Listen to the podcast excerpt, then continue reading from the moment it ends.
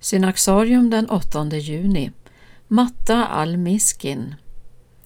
När Matta al-Miskin 1948 sålde sina hus, apotek och bilar och gav pengarna åt de fattiga behöll han bara två ting, en tjock bunt handskrivna blad med utdrag ur fädernas undervisning om bönen och en handskriven kopia av den arabiska versionen av Isak av Nineves skrifter.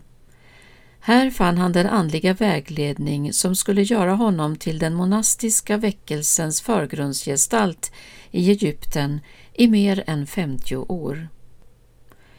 Yusuf Iskandir, som han hette innan han lämnade världen och kläddes i munkdräkt, föddes i Bena i det egyptiska deltat i september 1919. Utbildad till apotekare etablerade han sig i början av 1940-talet i Alexandria och gjorde snabbt goda affärer. Det var krigstider och staden hade blivit de allierades viktigaste fäste i östra Medelhavet. Men Yusuf Iskandir lyssnade inte till krigets dån. Han kallades av rösten från öknen.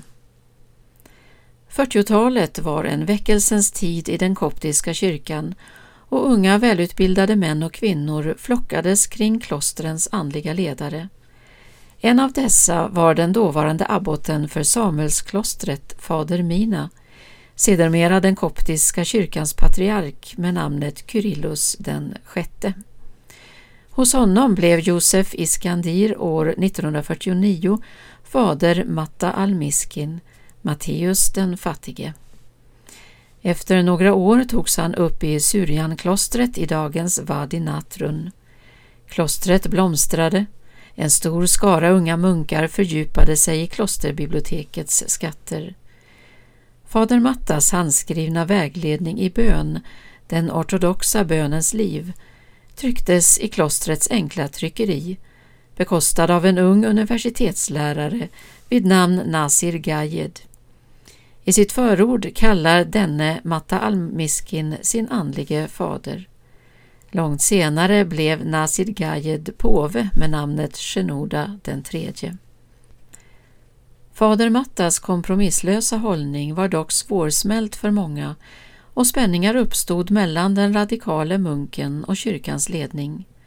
Han valde nu att dra sig undan djupt inne i öknen söder om Faimo-oasen i Wadi Rayan. Här levde han eremitliv i nästan tio år tillsammans med några lärjungar. År 1969 kom ett bud från patriarken Kyrillos den sjätte som ville att fader Matta skulle ta över och förnya det anrika men förfallna Makarios-klostret. Inom tio år hade det förvandlats till den koptiska kyrkans största och mest omtalade kloster, centrum för den monastiska väckelsen. Vid mitten av 1980-talet drog sig fader Matta tillbaka i sitt eremitage för att skriva. Gång på gång återkom han till ett av sina stora teman, de kristnas enhet för världens liv.